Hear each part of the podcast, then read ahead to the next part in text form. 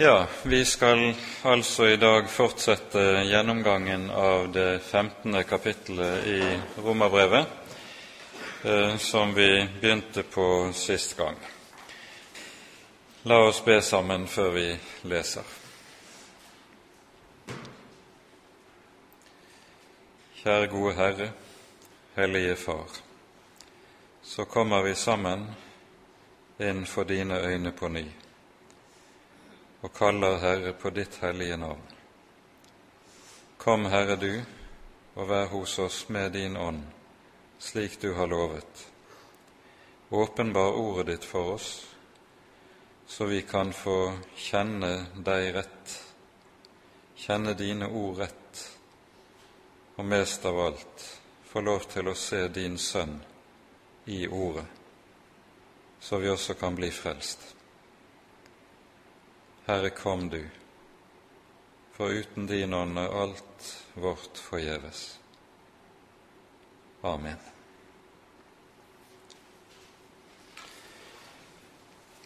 Sist gang så rakk vi så vidt å se på de seks første versene i kapittel 15. I dag kommer vi til å lese avsnittet frem til og med vers 21. Um, men for sammenhengen sin del så skal vi begynne allerede med vers fire.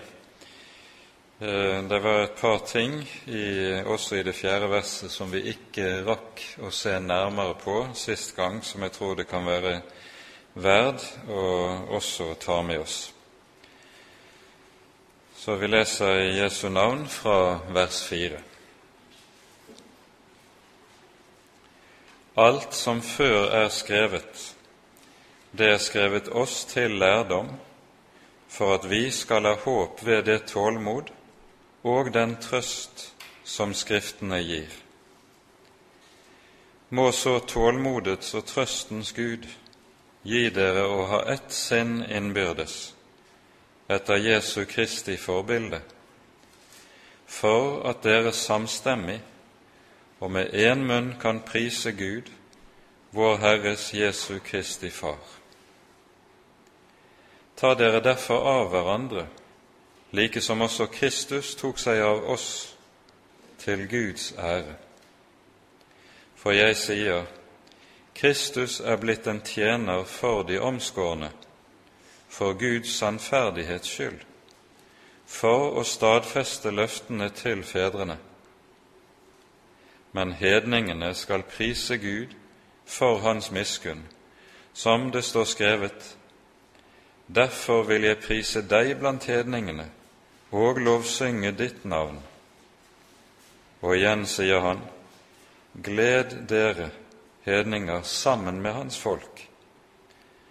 Og igjen:" Lov Herren alle hedninger, og pris Ham alle folk. Og igjen sier Jesaja, Isais rotskudd skal komme, han, han som skal stå frem og herske over hedningefolkene. Til ham skal hedningene sette sitt håp. Må så håpets Gud fylle dere med all glede og fred i troen, så dere kan være rike på håp ved Den hellige ånds kraft mine brødre, for min egen del er jeg overbevist om at dere selv er fulle av godhet, fylt med all kunnskap, i stand til også å formane hverandre. Likevel har jeg til dels skrevet noe djervt til dere, for å påminne dere ved den nåde som er gitt meg av Gud at jeg skal være Kristi Jesu offerprest for hedningene. Jeg gjør hellig tjeneste med Guds evangelium, for at hedningene skal bli et offer til behag for Gud, helliget ved Den hellige ånd. Det er altså i Kristus Jesus jeg har min ros i tjenesten for Gud for jeg vil ikke våge å tale om noe annet enn det som Kristus har utført gjennom meg for å føre hedningene til lydighet ved ord og gjerning, ved kraften i tegn og under, ved Åndens kraft. Slik har jeg fullt ut kunngjort Kristi evangelium fra Jerusalem og rundt om like til Illyria. Men jeg har satt min ære i å forkynne evangeliet der hvor Kristi navn ikke før var nevnt, for at jeg ikke skulle bygge på en grunnvoll andre har lagt. Men som det står skrevet, de som ikke har fått budskap om ham, skal se, og de som ikke har hørt, skal forstå. Amen. Vi ser og forstår med de siste versene vi har lest, at her nærmer Paulus seg også avslutningen av brevet, idet han rekapitulerer det som har vært hans tjeneste under de misjonsreisene som ligger bak. Når vi hører det sies i det 19. verset at han har vært like til Illyria, så var det navnet på det området på Balkan som ligger ut mot Adriaterhavet. Så Paulus forteller altså at han har vært i dette området, men det hører vi ikke om i apostlenes gjerninger. Noe som gir oss en pekepinn på at det nok er ganske meget som apostelen har utrettet mange steder apostelen har vært, som vi ikke har greie på ut fra apostlenes gjerninger.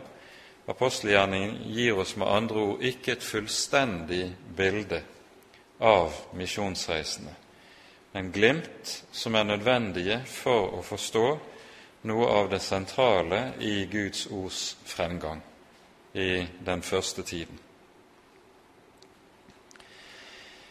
Vi begynte med å lese fra vers 4, og sist gang talte vi om hva det innebærer det at Skriften som Guds ord er et virkekraftig ord.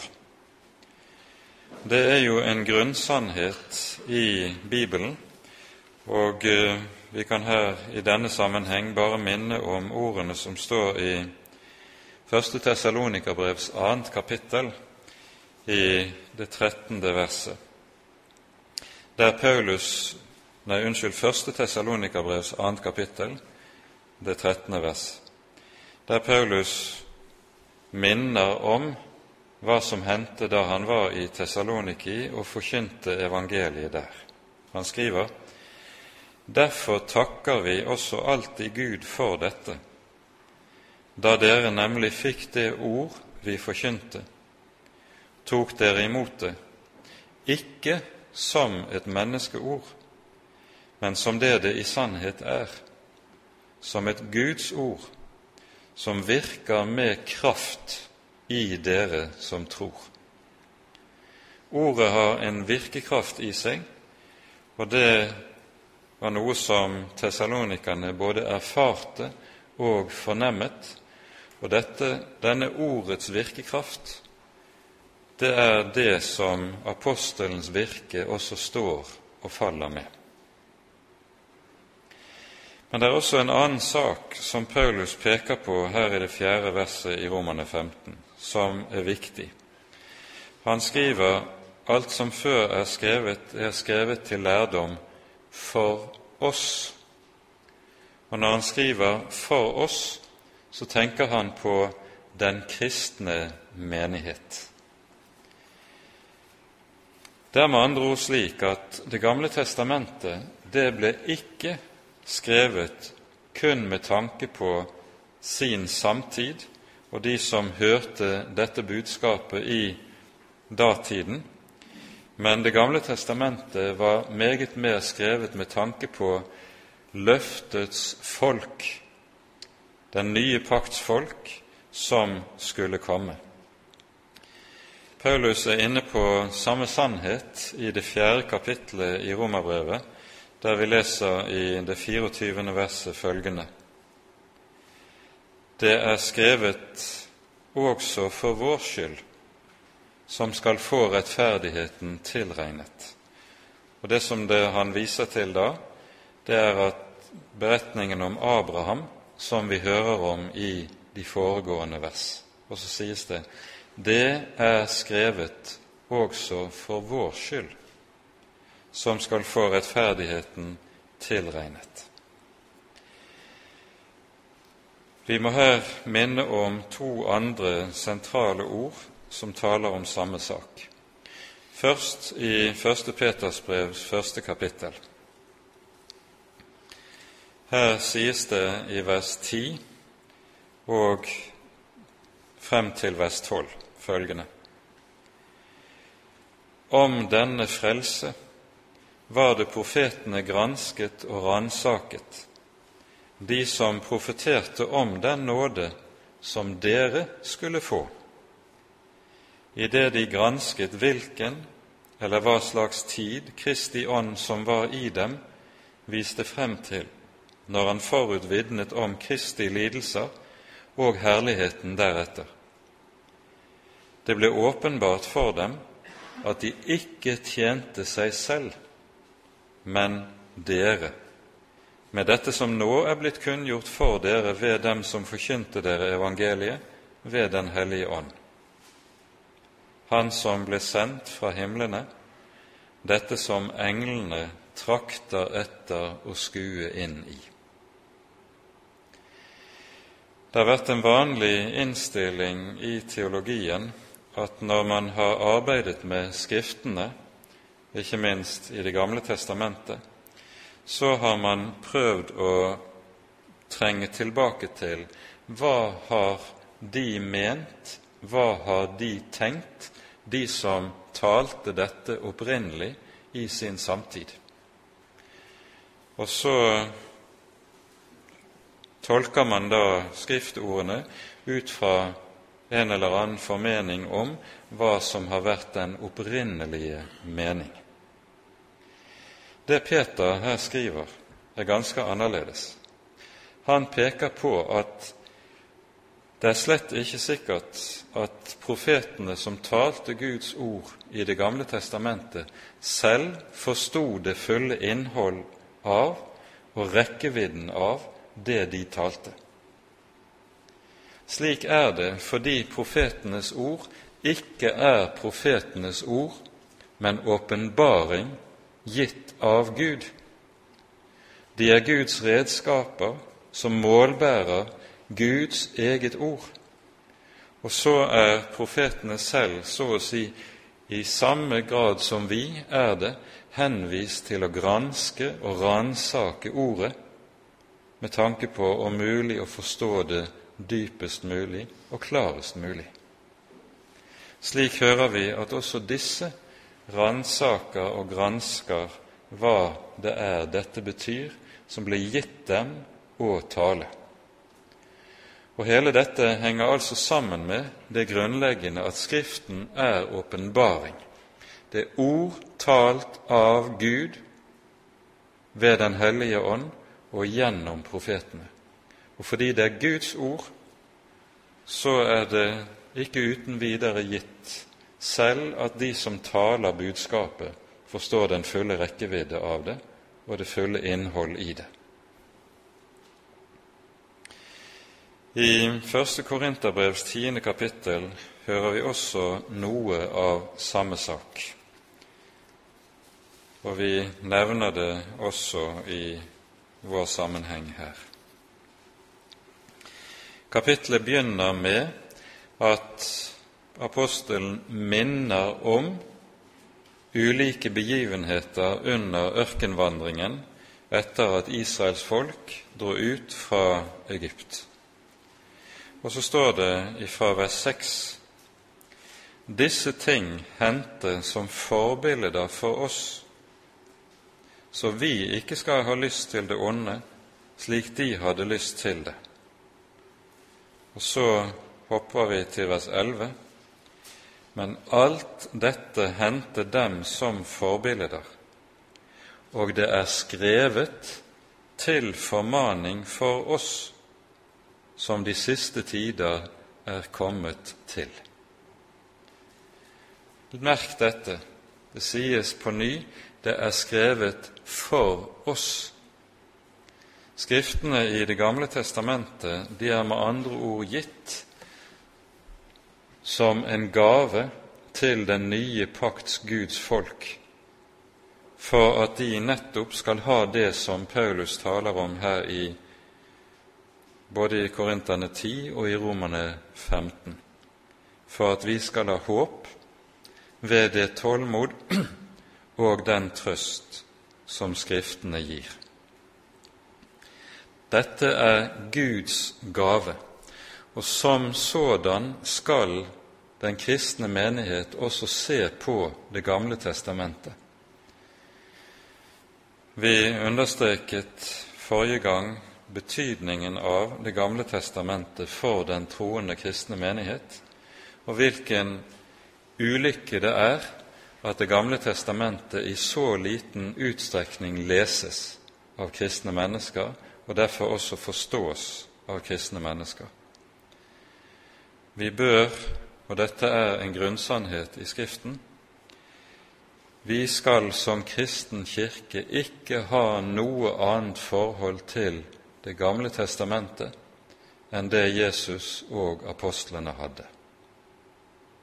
Det er en grunnsannhet som vi aldri skal bli ferdig med.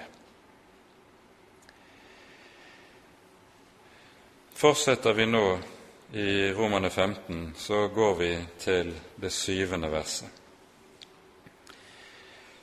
Ta dere derfor av hverandre, like som også Kristus tok seg av oss, til Guds ære. Med dette verset så samles trådene fra det som vi har lest i det 14. kapittel, hvor Paulus har talt om de ulike grupperinger i menigheten som til dels kives, som, og som derfor er kommet i den ulykkelige stilling at enheten mellom de troende skades. I stedet for å hakke på hverandre, dømme hverandre, ringeakte hverandre, slik, slike ord bruker Paulus i den sammenhengen, så sier han ta dere av hverandre, like som Kristus tok seg av oss til Guds ære. Og det, viktigste ordet i dette verset, det er nettopp ordet 'likesom'. Sånn som, slik som Jesus har handlet med oss, slik skal vi som troende handle overfor hverandre. Det hjertelag Jesus har vist oss, det hjertelag skal vi som troende vise hverandre. Har Jesus tilgitt meg for intet, så skal jeg også tilgi min neste for intet. Det er like som Jesus har handlet hele veien. Det ordet 'likesom' som er det grunnleggende.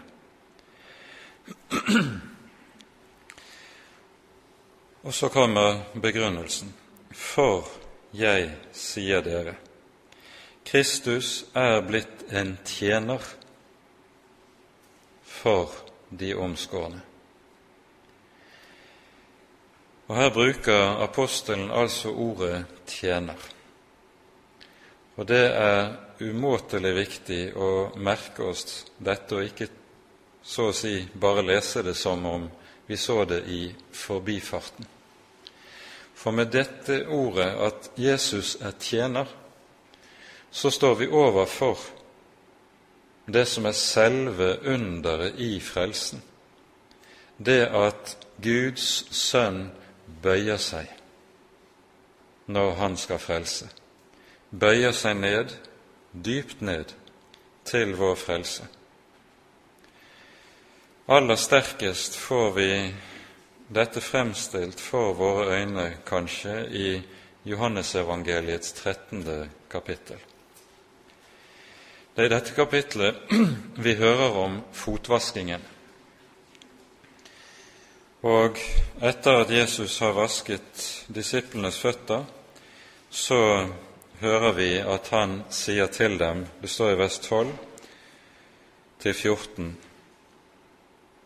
da han hadde vasket føttene deres og tatt på seg klærne, satte han seg til bords igjen, og så sa han til dem, Forstår dere hva jeg har gjort med dere?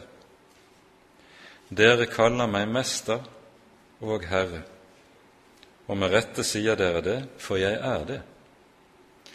Når da jeg, som er herre og mester, har vasket deres føtter, så skylder også dere å vaske hverandres føtter. For jeg har gitt dere et forbilde, for at også dere skal gjøre slik som jeg har gjort mot dere.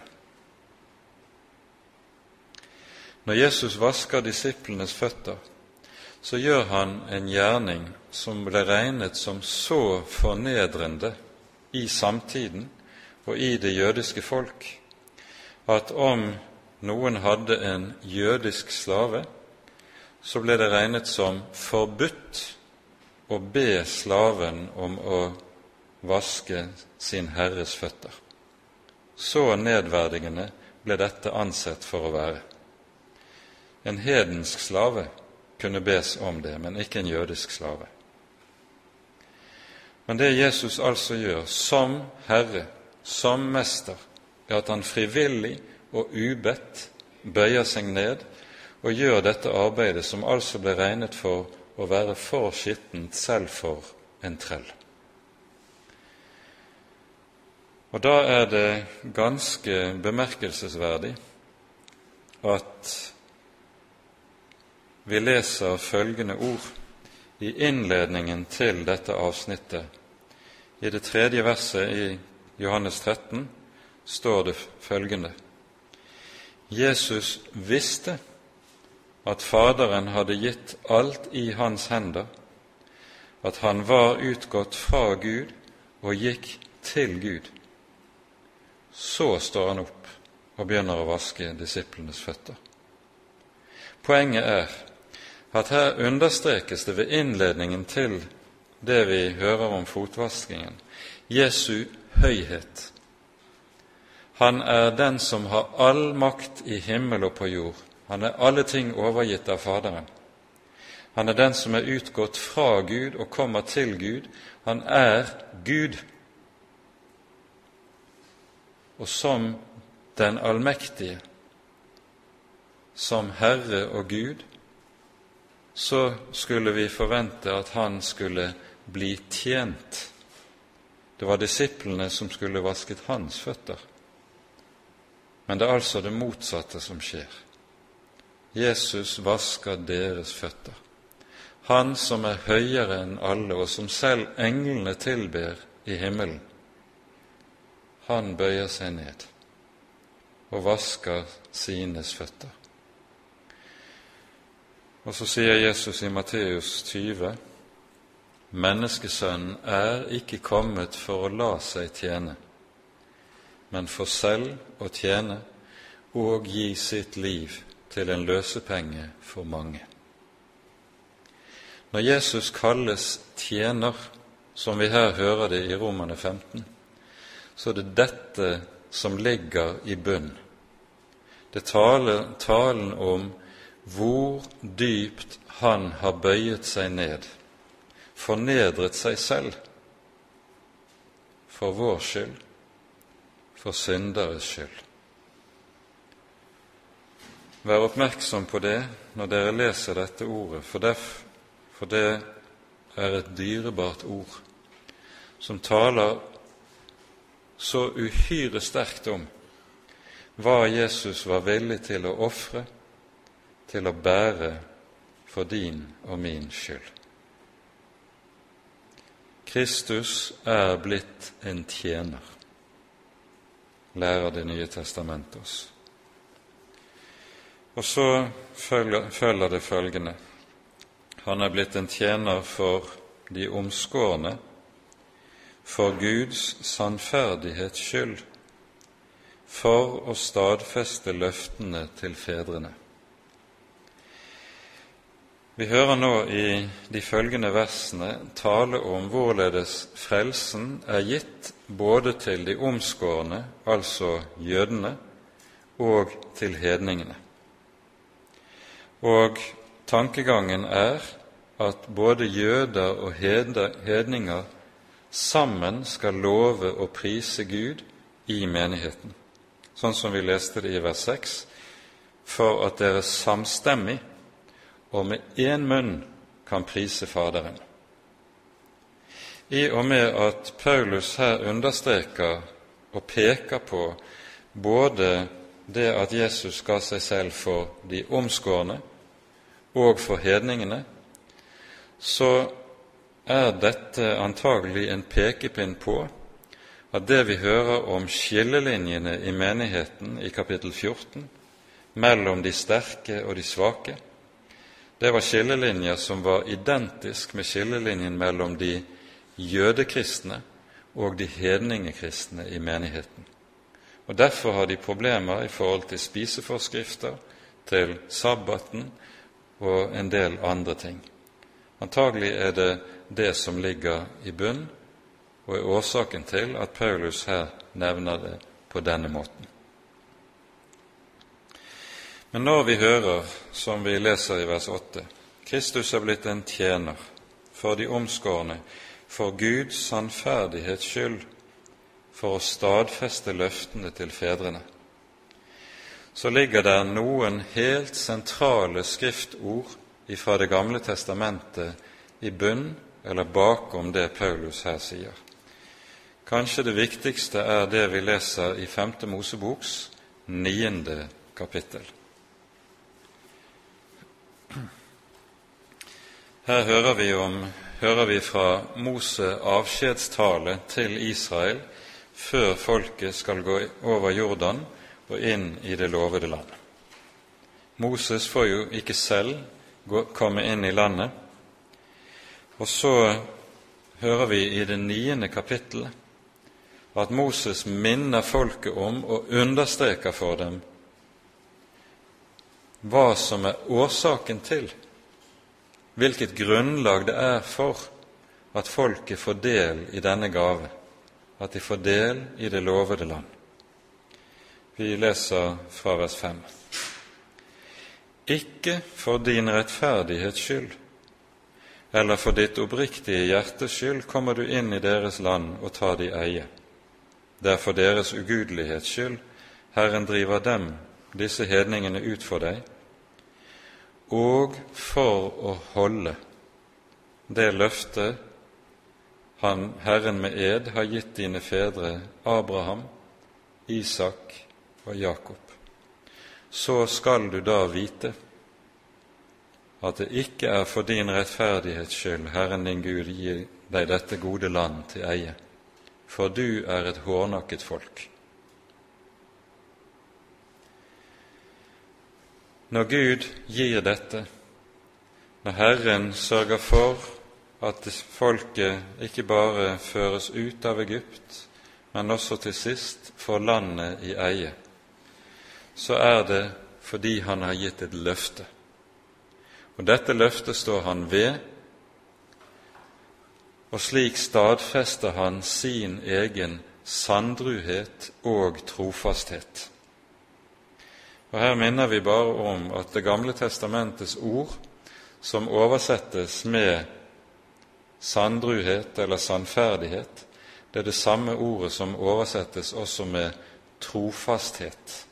Du må så å si se ut av sammenhengen hvorledes ordet skal oversettes. Poenget er Gud viser sin trofasthet i det at han holder sine løfter. Han er ikke en som lover og lyger, sånn som vi av og til kan si det. Han er nettopp sannferdig ved at han holder det han lover.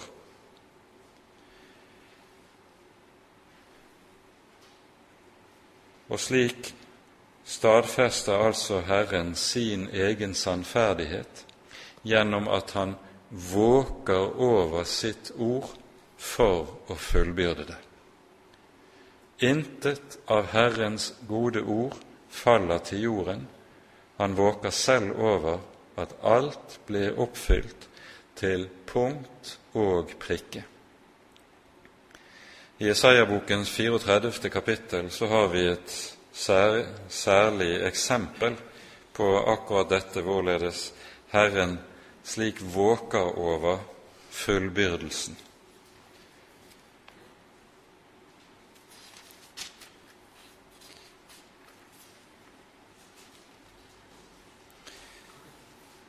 Jesaja kapittel 34. Vi hører først om hvorledes eh, Herren skal la sine dommer ramme landet, og så skal landet fylles, som vi hører det fra vers 11 av, pelikan og pin, pinnsvin skal eie det, hubro og ravn skal bo i det. Tårn og tistel skal skyte opp i dets palasser, nesler og tisler i deres festninger, ville hunder og andre ørkendyr skal møtes der, osv. Og, og så kommer det til slutt i vers 16. Se etter i Herrens bok og les. Ikke ett av disse dyr skal mangle. Det ene skal ikke savne det andre, for hans munn byr det, og hans ånd samler dem. Se etter i Herrens bok og les. Ikke noe skal mangle. Slik våker Herren over alt Han har lovet, alt Han har talt, slik at Hans ord aldri faller til jorden. Han er den sandrue Gud. Og så kommer det i de påfølgende versene, vers 9 til 12, ulike sitater som peker på hvorledes også hedningene har del i løftet, noe som Paulus jo har vært inne på i rikt monn tidligere i Romerbrevet, og ikke minst i det ellevte kapittelet, hvorledes han har pekt på at hedningene har fått del i Israels løfter. De er grener som er podet inn på oljetreet, og slik har fått del i oljetreets rot og fedme. Og Det er noe av dette som Paulus nå utvikler videre. De skriftsitatene som Paulus her henter frem, er ikke tilfeldige. For det er et hovedpoeng at Paulus her henter frem sitater fra hver av de tre hoveddeler av Skriften som jødene brukte å dele de hellige skrifter inn i. De delte Skriftene inn i loven, profetene og Skriftene. Loven var de fem Mosebøkene. Profetene var det vi kaller profetene, pluss konge og kongebøkene, eller de historiske bøkene. Og så var skriftene eh, Salomenes bok, ordspråkene, Jobbs bok osv. Og Det vi ser, det er at Paulus altså er nøye med at han henter frem sitater fra hver av disse tre hoveddelene, hovedsamlingene av Den hellige skrift, for å peke på overfor de jøde, jødekristne i menigheten at dette er noe som går igjen gjennom hele Skriften, og derfor er en grunnleggende side ved Guds råd. De jødekristne har antagelig vært noe misfornøyd med, foraktet de hedningekristne i menigheten. Paulus understreker med dette dette har de ingen grunn til for også de hedningekristne har del i løftet. Det er saken som trer frem gjennom dette. Jeg vil her bare ganske kort peke på ordet i vers 12 som det blir sitert fra. For her siteres det fra Jesaja-bokens ellevte kapittel, et kapittel som er uhyre sentralt når det gjelder Messias-profetien i Det gamle testamentet. Det ellevte og tolvte kapittelet i Jesaja-boken utgjør avslutningen på det som kalles for Immanuelsboken i Jesaja, som går fra kapittel 7 til og med kapittel 12. Og det er et avsnitt i Jesaja-boken som eh, inneholder noe av de klareste og sterkeste profetiene om den kommende Messias. La oss gå til Jesaja 11.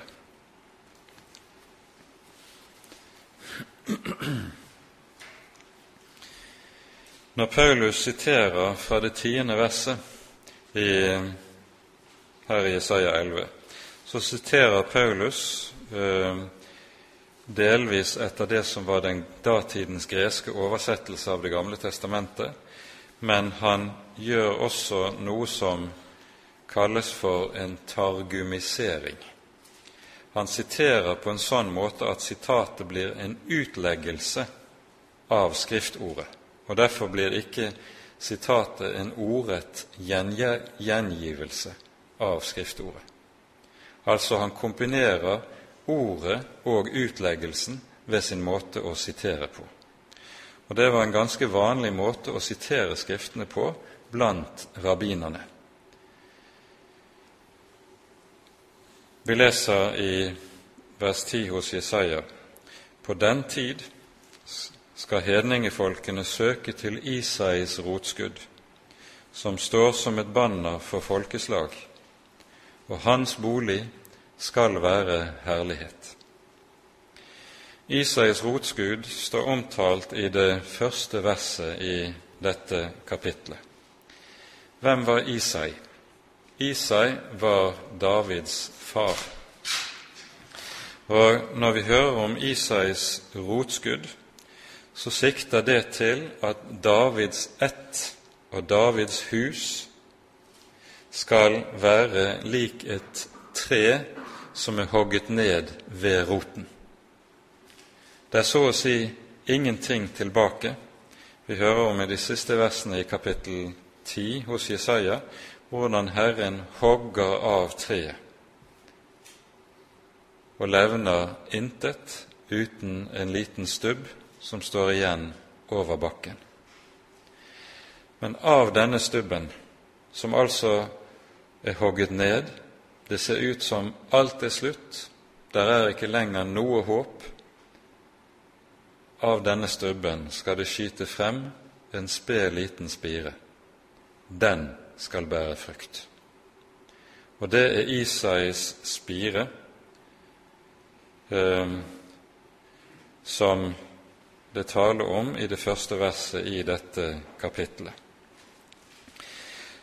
Navnet for Eh, det hebraiske ordet for skudd som står her i vers 1, det er nedser. Og det er stammen til bynavnet Nasaret der Jesus var født, eller ikke født, men vokste opp. Og så står det når Josef og Maria flytter til Nasaret etter at de har vendt tilbake fra Egypt, så slår de seg ned i Nasaret, og så står det for at det Skriftens ord skulle oppfylles som sier han skal kalles en nasareer. Og da er det nettopp ordet om at han er nedser, skuddet av Davids rot, det tenkes på i denne sammenheng. Når det står rotskudd i våre bibeloversettelser, så er det en unøyaktig oversettelse. For bokstavelig så står det rot.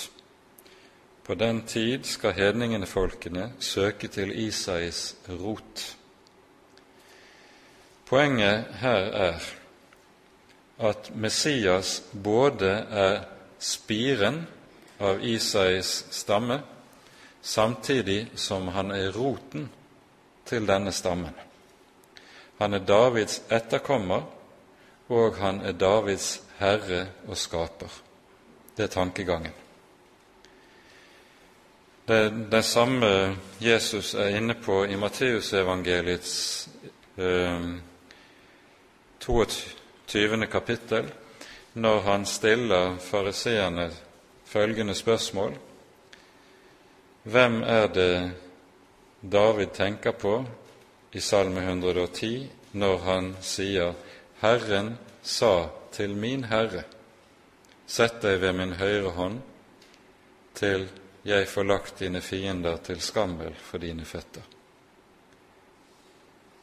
Jo, det er jo Messias det tenkes på i denne salmen, men da spør Jesus fariseerne hvis Messias er Davids sønn, hvordan kan han da samtidig være Davids herre?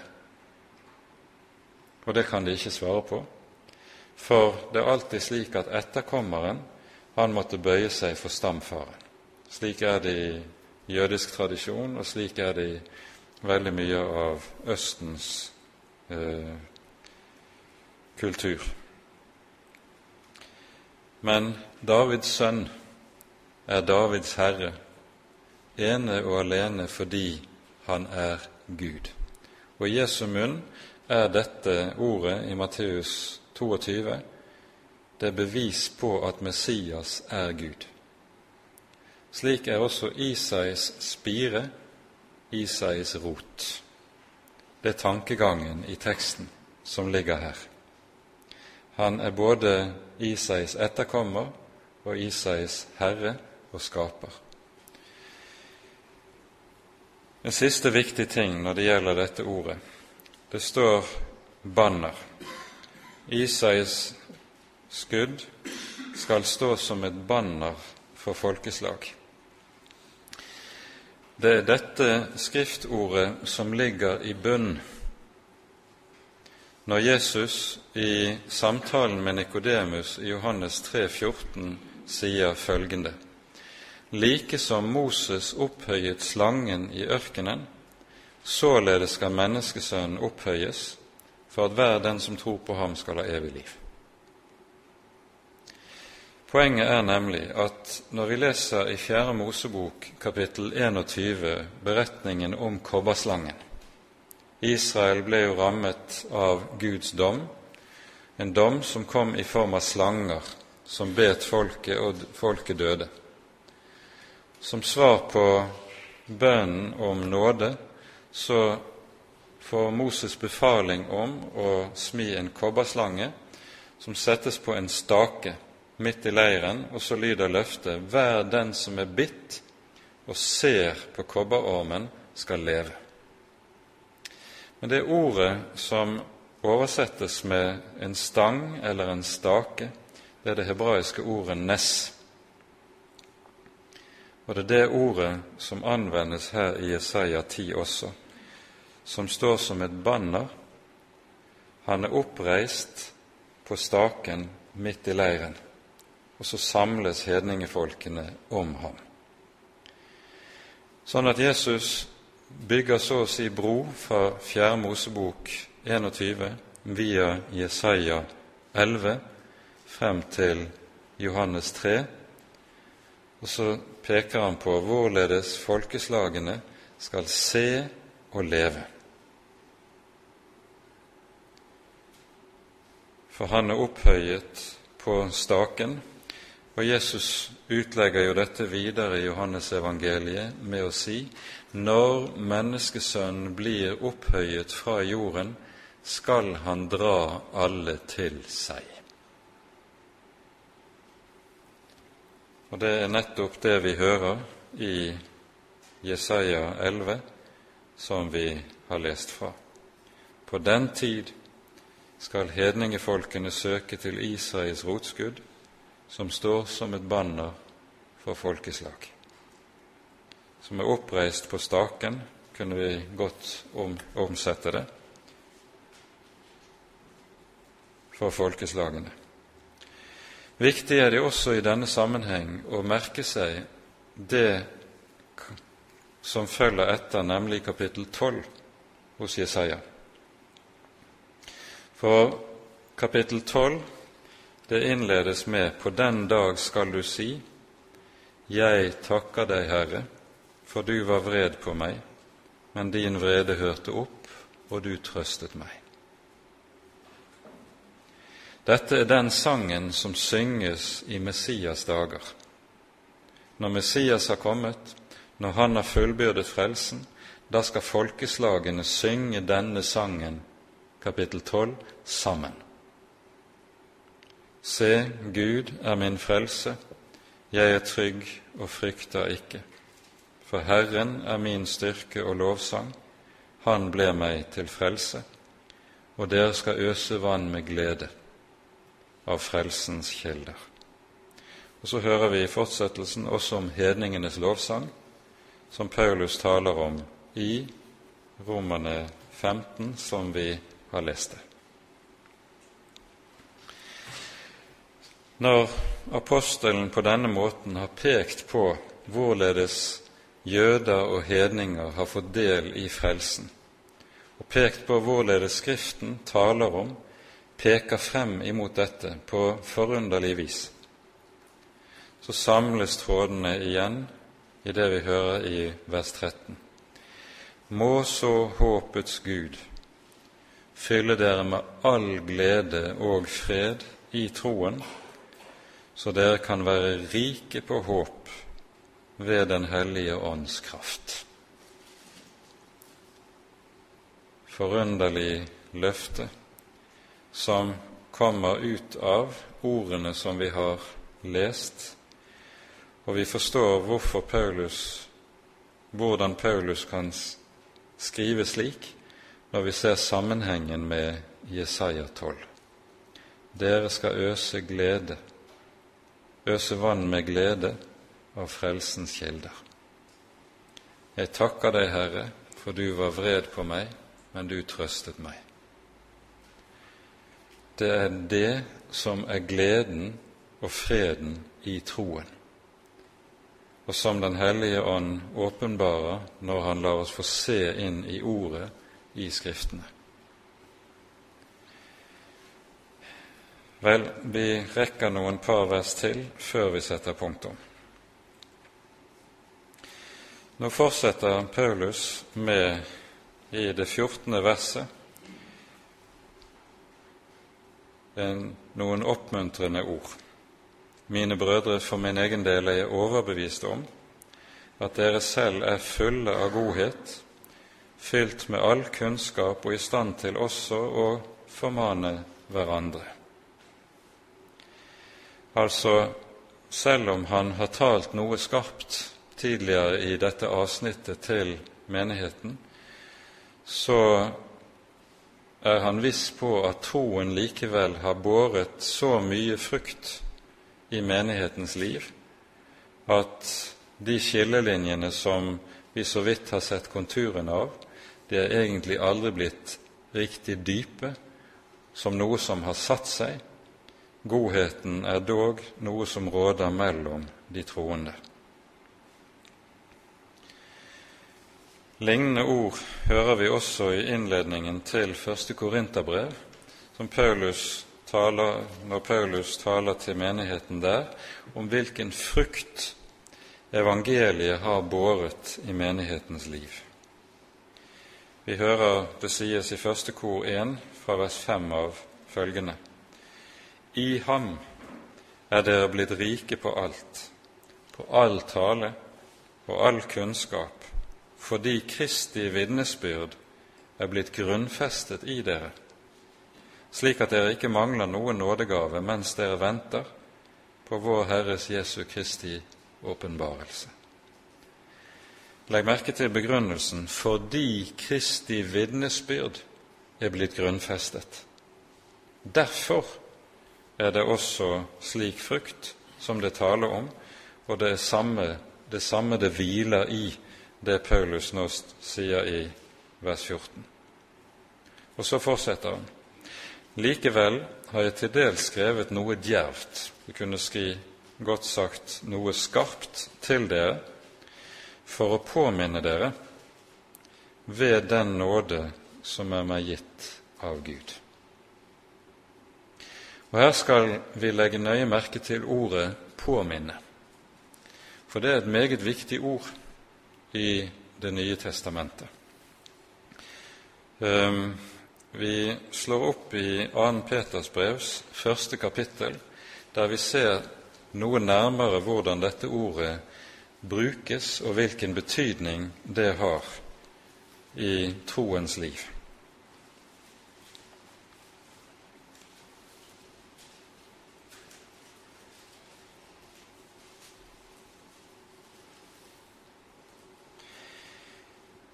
I begynnelsen av kapittel 1 så taler apostelen om eh, de grunnleggende ting i troen som menigheten har fått del i, og hvordan troens frukt utfolder seg som resultat av det.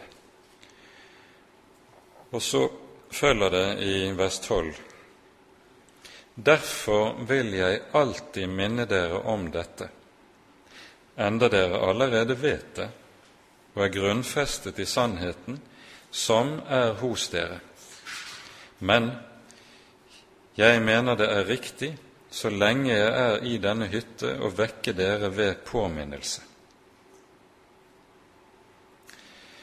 Og Legg merke til det uttrykket 'å vekke dere ved påminnelse'. Saken er jo nemlig den at det kan ofte være sånn selv med grunnleggende sannheter i Guds ord, at det kan gå et stykke tid siden du har lest det i Skriften, hørt det talt om i forkynnelsen, og så blir det liksom slik at det blekner i minnet og blir borte for deg. Og så er det som om du har glemt det. Inntil en dag så er det, dras det frem igjen. Du blir minnet på det kanskje i en situasjon hvor du nettopp særlig trengte det. Og så blir påminnelsen noe som vekker deg opp. Det er noe du egentlig visste. Du vet meget godt at dette har du hørt mange ganger tidligere, men det er en sannhet som liksom er blitt borte for deg. Og så minnes du på det, og denne påminnelsen har en vekkende betydning inn i ditt eget liv, inn i ditt eget hjerte. Og det er nettopp påminnelsens betydning i det kristne liv. Dette har med det gamle mennesket å gjøre. Det gamle mennesket er nemlig slik at det Guds ord som vi hører og får oss forkynt, og som vi leser, det vil alltid, like som bli borte for oss som sand mellom fingrene. Derfor trenger vi stadig å få det på ny, og vi trenger stadig å minnes. Derfor er ordet påminnelse et helt sentralt ord i Skriften. Et sentralt ord som beskriver noe av det som også er forkynnelsens grunnleggende oppgave. Forkynnelsen har ikke som oppgave å komme med noe nytt. Den forkynner som kommer med noe nytt, han kommer som regel med noe som leder bort fra, på avveier fra Guds ord. Men forkynnelsen skal nettopp fungere som påminnelse om Guds ord. Påminnelse om det som menigheten har lært, og så virker påminnelsen nettopp slik som vi her har hørt det, vekkende.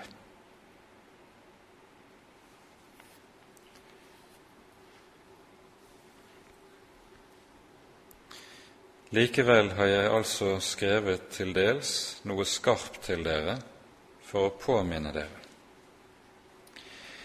Det at dere også kan skrive skarpt, kan tale skarpt, formane skarpt, det er også noe som tidvis er nødvendig for Guds folk. I Titus brev sies det følgende i kapittel 1 om de som skal kalles til tjenesten med Guds ord, hyrdeembetet i menigheten, at de skal være i stand til å tale til rette. Og så sies det til Titus du skal tale dem skarpt til rette for at de kan bli sunne i troen. Det å stryke katten med hårene, det gir aldri sunnhet i troen. Det å smigre for menigheten, det gir aldri sunnhet i troen. Men det å bramfritt tale det som Guds ord sier, selv om det kan fortone seg ganske salt, og være ubehagelig å lytte til, det er også noe av det som er nødvendig for troens sunnhet. Og Derfor skriver ordlegger altså apostelen som han gjør det i Titus 1. Du skal tale dem skarpt til rette for at de kan bli sunne i troen. Og merk følgesetningen som står der. I dette ser vi hvorledes det ikke bare er evangeliet som skal lyde i forkynnelsen, men også loven. Lov og evangelium skal stå der sammen, og loven har nettopp det med seg at den kan være kvass.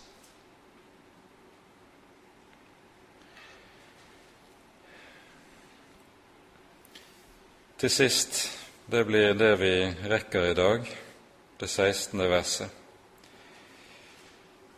Han taler Paulus om den nåde som er han gitt av Gud, og som er virksom i hans tjeneste som apostel. Og Her bruker Paulus noen spesielle ord som ikke er så helt enkle å oversette.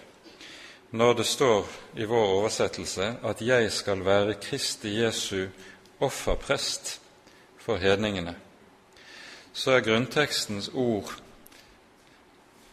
ordet liturg. Han skal være hedningefolkenes liturg for, i sin tjeneste.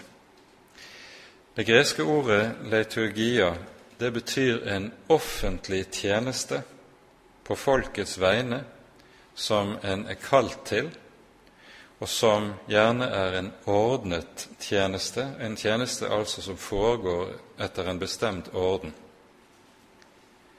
Og det er det ordet Paulus anvender når han skal beskrive sin egen apostelgjerning. Han er Jesu Kristi liturg for hedningene. Det er en offentlig tjeneste. Han er kalt til denne av Gud, og den foregår etter en bestemt orden som også er gitt ham av Gud. Det er intet i Paulus' tjeneste som er selvvalgt. Så sier han også, og det er sånn i den neste setningen, som her i denne oversettelsen er, står slik 'Jeg gjør hellig tjeneste'. Der brukes et ord som anvendes om prestens offertjeneste i Det gamle testamentet. Jeg gjør hellig offertjeneste med Guds evangelium for at hedningene kan bli et offer til behag for Gud, helliget ved Den hellige ånd. Tankegangen er den at evangeliet er noe som apostelen slik bærer frem. Og dette gjør hedningefolkene til noe som det omskaper hedningefolkene til en offergave til Gud, som bæres frem for Gud. Eh, ordet som er oversatt med offer, det betyr bokstavelig rett og slett noe som bæres frem for Guds ansikt.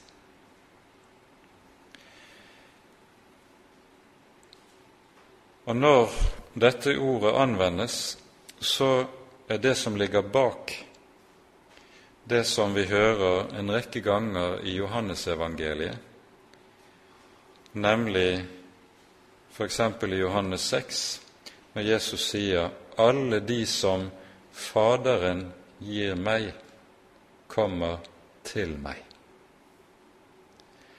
Altså, de som kommer til å høre Jesus til, det er Faderens gave til sin sønn. Det er en offergave som er båret frem. Faderen tar imot det og rekker sin sønn disse. Denne gaven er et svar på den bønnen som vi hører Messias be i Salme 2. Der hører vi at Messias, hedningene, raser mot Herren og mot Hans salvede, og så står det 'Han som troner i himmelen, ler'. Han har innsatt sin konge, sin Messias, på sitt hellige berg, og så gir Faderen løftet til Messias. begjær av meg, så vil jeg gi deg hedningene til arv. Faderen vil gi Sønnen hedningefolkene. Det skal være hans arvedel. Er det han har ønsket seg av Faderen som lønn for sin gjerning. Dette er en måte å tenke på som vi møter ganske særlig og meget tydelig i Johannesevangeliet, og som går stikk i strid med vår vanlige måte å tenke om det å bli et kristent menneske på.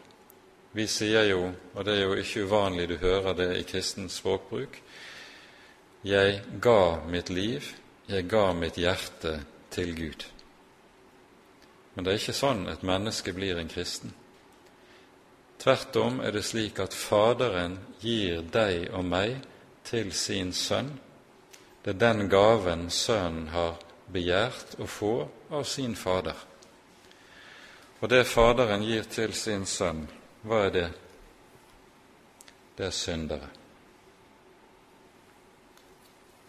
Det er de som helliges ved Guds ånd, og om disse syndere som på denne måten gis til Sønnen, hører vi det sies i Hebreabrevet i det annet kapittel følgende